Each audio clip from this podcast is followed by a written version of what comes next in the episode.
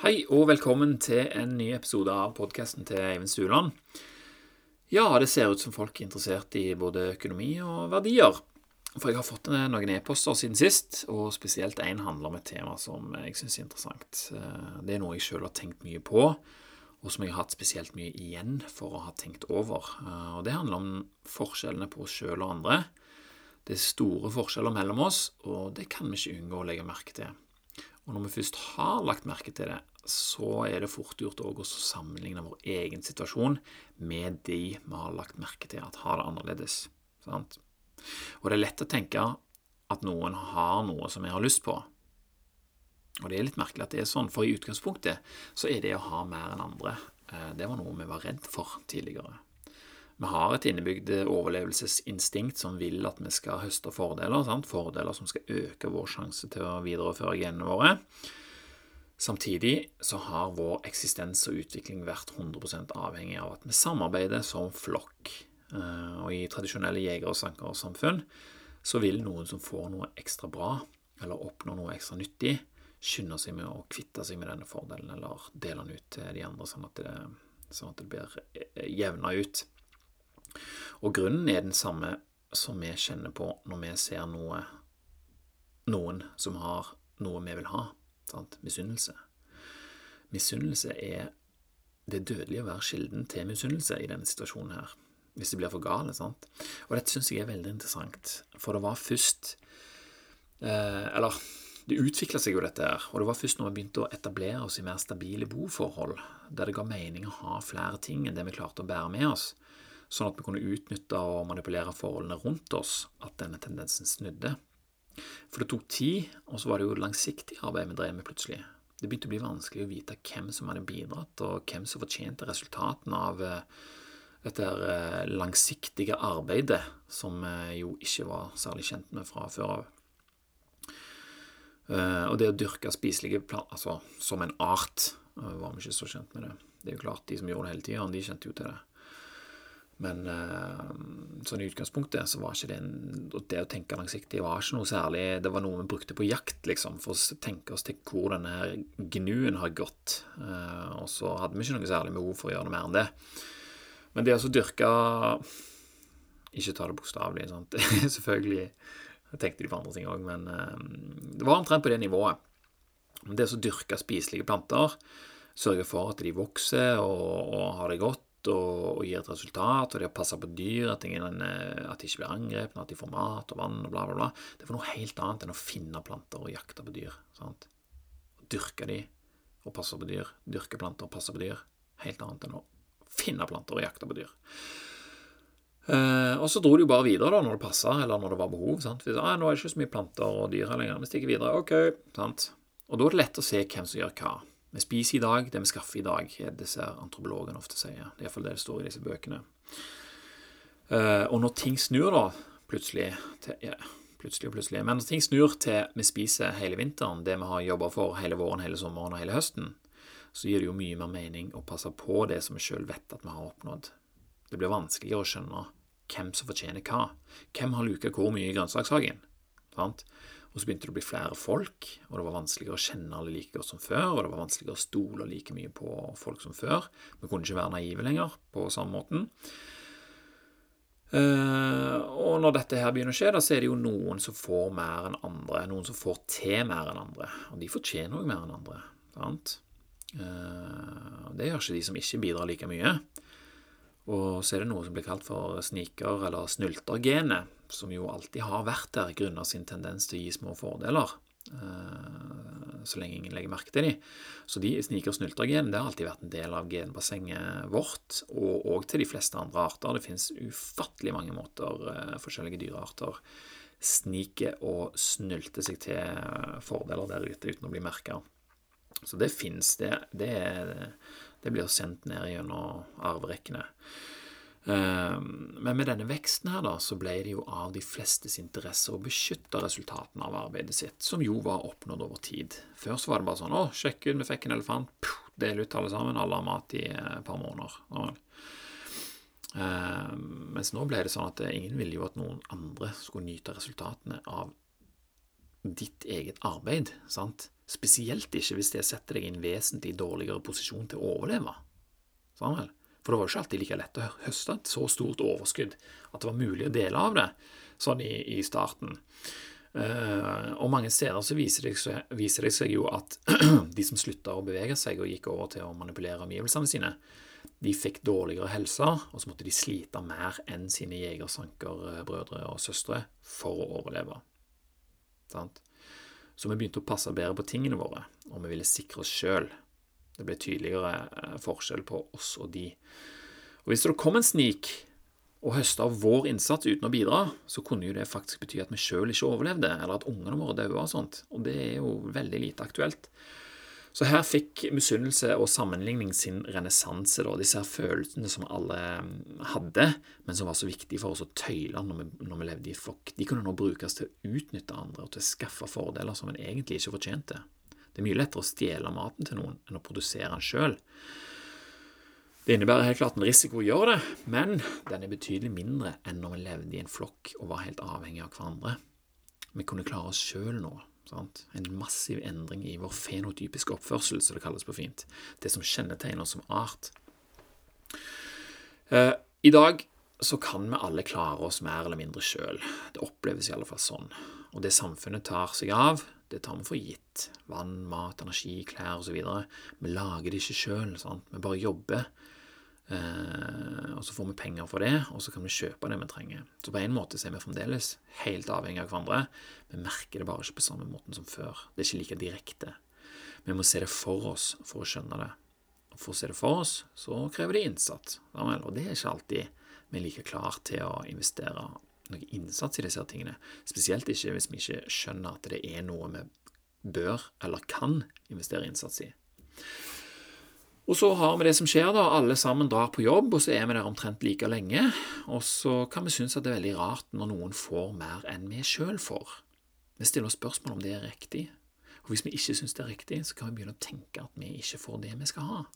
Og da er det fort gjort å tenke at noen andre får vår del. En følelse som jo selvfølgelig kan motivere, men det kan òg gjøre oss apatiske, og det kan òg gjøre oss eh, onde til sinns, som vi kan kalle det det. De fleste klarer seg bra, mens andre ser ut til å klare seg veldig bra. Og her kan vi begynne å kjenne på flere av våre dype instinktive tendenser. Da?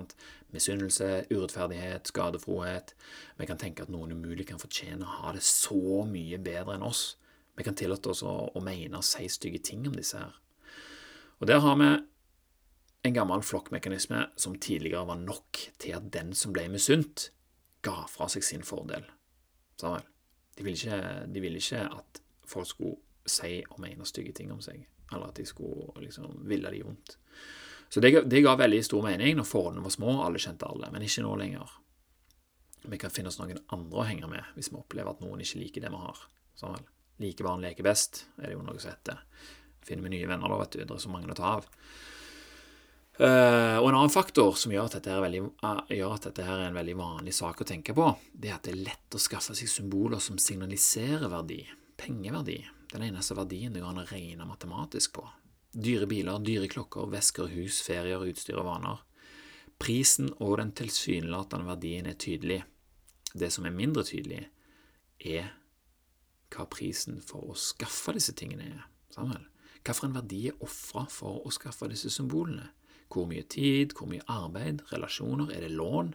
Har eh, noen betalt ved å skride over sine moralske grenser? Sant? Grenser som vi ikke er villige til å skride over. Vi vet ikke.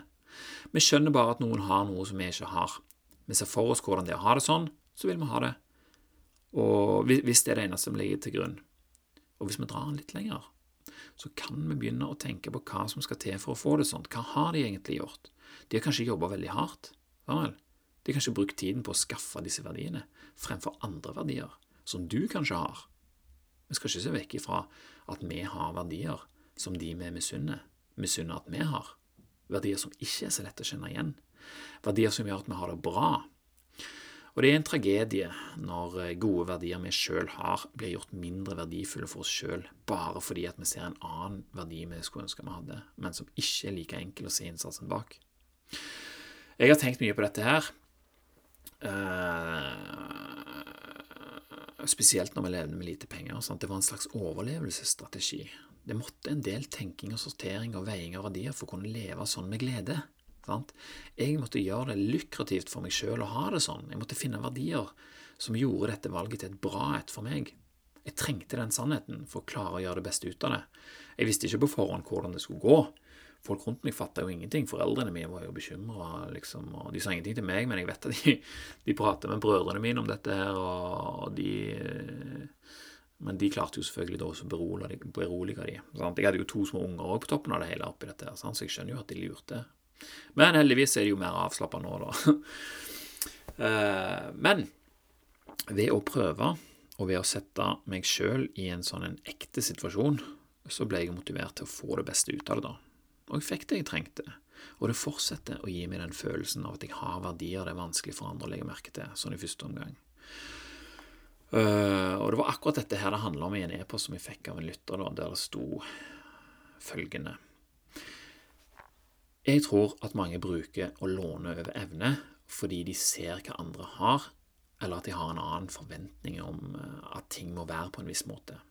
Sjøl tar jeg meg i å sammenligne lønnen min med andres. Jeg har altfor mange år med høyere utdanning og jobber som sykepleier.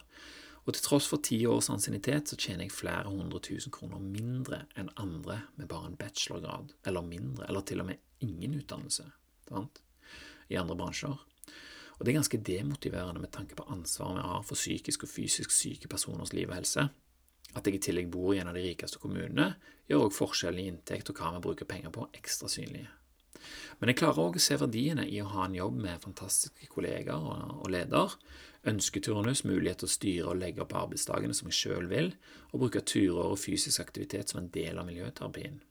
Jeg likte det du sa om at de som har den fine bilen, bytter den mot høyere lån og lange arbeidsdager. Jeg vil jo ikke bytte jobben min mot å sitte på kontor hver dag heller. Jeg skulle bare ønske at lønnen gjenspeiler ansvaret. Og da ble jeg, jeg ble glad når jeg fikk denne meldingen. Jeg skjønner jo frustrasjonen, men jeg ble glad fordi jeg hadde noe, umiddelbart noe å svare. For dette her hadde jeg jo masse tanker eh, klare om. Eh, så jeg leser bare opp en litt sånn revidert utgave av det svaret som jeg sendte, da, og så håper jeg at det er flere der ute som kanskje kan dra nytte av dette her. Eh, jeg er som regel en positiv innstilt person, og når jeg får noe for meg, så prøver jeg å lete fram alle fordelene ved det, og så holder jeg de synlige for meg sjøl så mye som mulig. Først gjorde jeg det for min egen del, for at ikke tvilen skulle spolere den langsiktige tanken bak, men etter hvert så begynte jeg å legge merke til noe, et mønster. Når jeg prater med folk, enten det var på fest, på heimeværelsesøvelse eller med gamle kjente, så kommer vi ofte inn på selvfølgelig hva vi driver med, ja, hva du driver med siden sist, liksom, og sånt. Men når det kom til min tur, så kom det veldig mye oftere oppfølgingsspørsmål enn når noen sier de jobber på et kontor eller med salg og service. Og det er her min innsats for å holde fordelene synlige for meg sjøl kommer til nytte. Når jeg forteller om hvordan jeg har det, så sier jeg ikke at jeg har dritlite penger og at det er kjedelig. Jeg forherliger det hele etter beste evne. Det er tross alt det som er min sannhet, og som sørger for at jeg klarer å dra verdi ut av situasjonen min. Det jeg sier, er fremdeles at jeg har dritlite penger, men jeg sier ikke at det er kjedelig. Alle fordelene blir dratt fram i lyset og gjort like synlige inni hodene til de som hører på, som en flott bil eller et stilig hus er for øynene våre når vi ser dem. Det er som regel ikke til å tro for de som hører på. Det strider imot deres egen oppfatning av hvordan ting er, og det kan du se på øynene og ansiktene deres. sant? Det er en ukjent måte å se ting på, og det sier seg sjøl at det er ukjent for de fleste hvis jeg har brukt mer tid enn de fleste på å konstruere denne sannheten, enten de er ingeniører, oljearbeidere, butikkmedarbeidere eller milliardærarvinger, så de vil ha de verdiene som jeg ser ut til å ha. Hmm? Jeg sier ikke at de har det dårlig, men når jeg snakker om hva for noen ting jeg kan gjøre av måten jeg har det på, så er det sånn åh, jeg skulle ønske Samuel. Og det var veldig hjelpsomt å finne ut. Det gjorde det enda lettere å leve med avgjørelsen min. Jeg fikk en følelse av at jeg hadde funnet noe som andre gikk glipp av at de leita helt andre steder enn det jeg gjorde, og at det de fant, var, som han med den fine bilen, lån og lange arbeidsdager. De fine klærne og dyre bilene de andre har, gir de ikke mer av den, de verdiene som jeg verdsatte. Sant? Blant annet tid til familien og meg sjøl og alt det innebærer. De fikk stadig mindre av det uten at, det så, uten at de så ut til å skjønne at det var det som skjedde. Og jeg husker vi lå i et eh, lagstelt på heimevernsøvelse. Eh, vi lå og venta. Og til alle dere, eh, hvis det er noen der i ledelsen i Heimevernet som hører på, så vil jeg ha det sagt at det er det vi gjør på heimevernsøvelse. Vi ligger der og venter mens vi ikke er med familien vår. Så vennligst enten få noe til å skje, eller meld meg ut.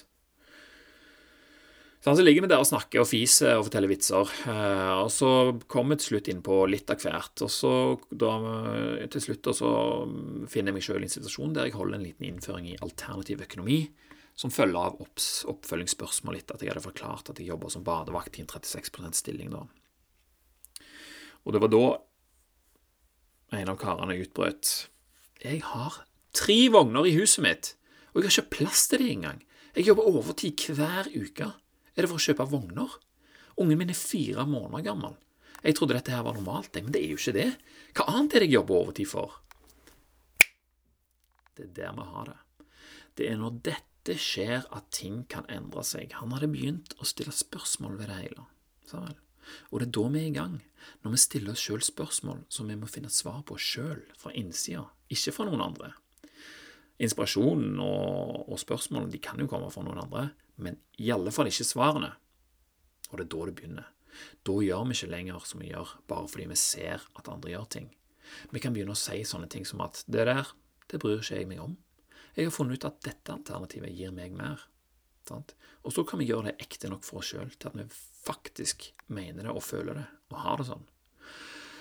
Og det drar seg virkelig til når vi òg føler at vi vinner. Når, når, når sånn, øh, ja, I begynnelsen så var jeg jo sånn Ja, jeg har jo liksom gjort sånn og sånn, og så, og så plutselig så sier de at øh, at øh, Å, liksom, så ser jeg at de har lyst på det. Sant? Å ja. Og så kan de plutselig begynne å fortelle videre med mer sjøltillit og liksom Jøss. Yes, jeg har jo funnet ting som andre ikke ser. Mm, nice, liksom. Sant? Og så føler vi oss heldige plutselig. Og Da har vi en tilstand vi kan bygge på. Vi ser hva ting koster for andre, og så skjønner vi at vi har noe som er minst like bra, uten at vi trenger å ofre like mye av tiden vår og energien vår, eller hva det nå enn er, på å skaffe det. Det er en bedre deal, Samuel. Det er jo ingenting som er som å kjøpe et eller annet når naboen har kjøpt det for dobbel pris, eller vi har kjøpt noe for halv pris. Sant? Det er liksom Yes, jeg fikk samme verdien for en billigere penge. Samuel. Og der har vi det igjen. Det er lett å måle når det er penger, men vanskelig når det er tid og følelser og sånne ting. Så jeg husker en av de tingene jeg gjorde Jeg hadde skrevet litt om morgensiden, så hadde jeg kommet inn på liksom sånn uh, Jobben min, egentlig. Hvorfor jeg liker jeg egentlig jobben min? Og så, og, så, fant jeg ut masse ting, så lagde jeg en episode som heter 'Hvorfor jeg elsker jobben min'. Jeg tror det er sånn sikkert fire år siden nå. Og det er fra den tida da jeg var badevakt. sant? Alle fordelene jeg følte jeg fikk ut av den jobben, når jeg bare klarte å konstruere de på en måte som gjorde at jeg så de Eh, det gjorde den jobben veldig verdifull for meg. Tilgang til badstue, treningsrom, to minutter på sykkel under huset mitt, variert og sosial arbeidsplass. Eh, hele familien kunne gå og bade. sant? Eh, elva var rett ut forbi, så kunne jeg ta meg isbad når jeg ville. Men hvordan klarte jeg å konstruere de sånn at jeg så de? Nå har jeg jo egentlig allerede sagt det, da. Det kommer det samme gamle svaret hver gang. Morgensider. Kan aldri få sagt det nok. Spørsmål og svar, begge deler fra meg sjøl. Jeg tror ikke jeg kan hause opp verdien av å skrive til seg sjøl nok. Denne karen med tre barnevogner han hadde en veldig god jobb, han hadde et misunnelsesverdig hus og et par bra biler som det heller ikke hadde vært så kjedelig å ha. Men lånet og arbeidssida som måtte til for å fortjene å ha det sånn, det begynte han å tvile på om var verdt det, når han stilte seg sjøl disse spørsmålene. Og du kunne se det i hele øynene hans. Du ser det gå fram og tilbake og kikker opp, og det, det er akkurat som han leter inn i hjernen sin til Vent nå litt, jeg trodde det var sånn, men her, her, er det jo annerledes. Og det var ganske kult. Veldig kult. Hvis vi kom tilbake en gang senere, så hadde han fortalt om dette her til massevis av folk og gjort noen grep. og liksom, eh, Men det er jo ikke så lett da når du hører én ting én dag, og så drar du rett tilbake til det gamle livet ditt, så skal du fortelle det til kona di, og bare sånn 'Nei, vi har disse vognene.' Vel, det er ikke like lett å Ja, mye lettere når vi kan eh, dele på oppfatningen vi har da med de vi lever med. Det er da det er da det er deilig. Men så har vi dette her, da, som var på slutten av den mailen, dette her med lønn, og at den skal gjenspeile ansvaret vi har. Det er det vanskelig å gjøre noe med, annet enn å prøve å gjøre det verdt det på andre vis. En jobb der en får mosjon, frisk luft, friheten til å konstruere egne dager, gode kolleger, mosjon og velvære, sant? lavt stressnivå, det kan vi se som en del av lønna. Det er ting som andre må betale for. Gå på trening og oppnå velvære. Kanskje imot legen med høyt blodtrykk. Det, det, det, det, betaler de. Sant? De betaler mens vi får. Hvis det er sånn, da.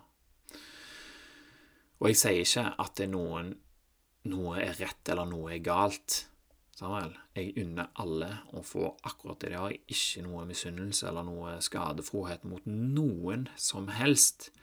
Men vi kan sjøl velge hvordan vi velger å Vi kan sjøl velge hvordan vi tenker at vi har det.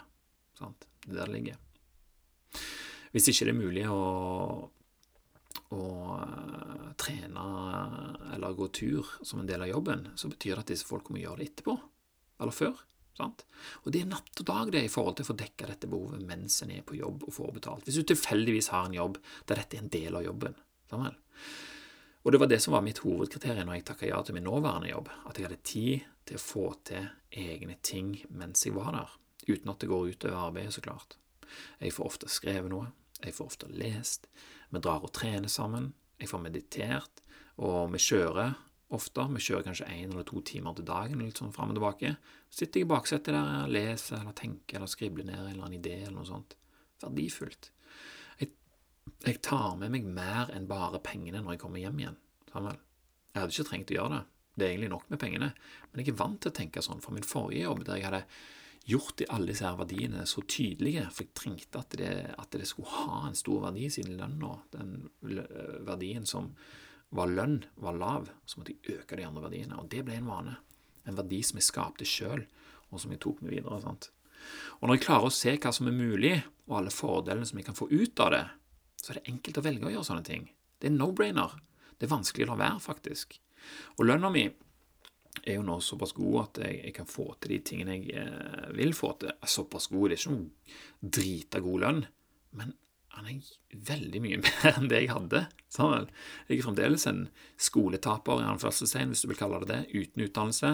Men det er hvordan jeg bruker det jeg tjener, og hvor lang tid jeg er villig til å jobbe for noe, så bestemmer jeg hva jeg får ut av det til slutt. Samuel. Og forrige uke mens jeg var hjemme, så fikk jeg til noe som jeg har prøvd på veldig lenge.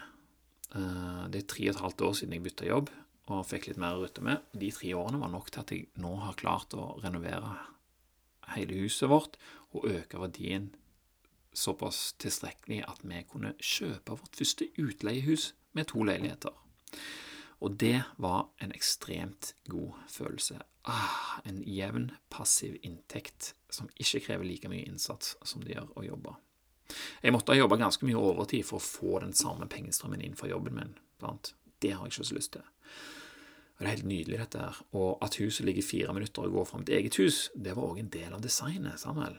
Det er full klaff, dette her. For jeg, jeg sitter, hvis, jeg, hvis, jeg, sitter og skriver, så kan jeg tenke sånn Å, jeg eh, skulle jaggu meg ha sett for meg at jeg eh, sitter og skriver sånn, skulle, skulle få tak i et sånt utleiehus. Og hvis jeg skulle få tak i et, så skulle det jammen meg vært med to leiligheter med to soverom hver. Så skulle det vært sånn, må jeg passe på at taket er ålreit, og grunnmuren og disse her tingene er viktige.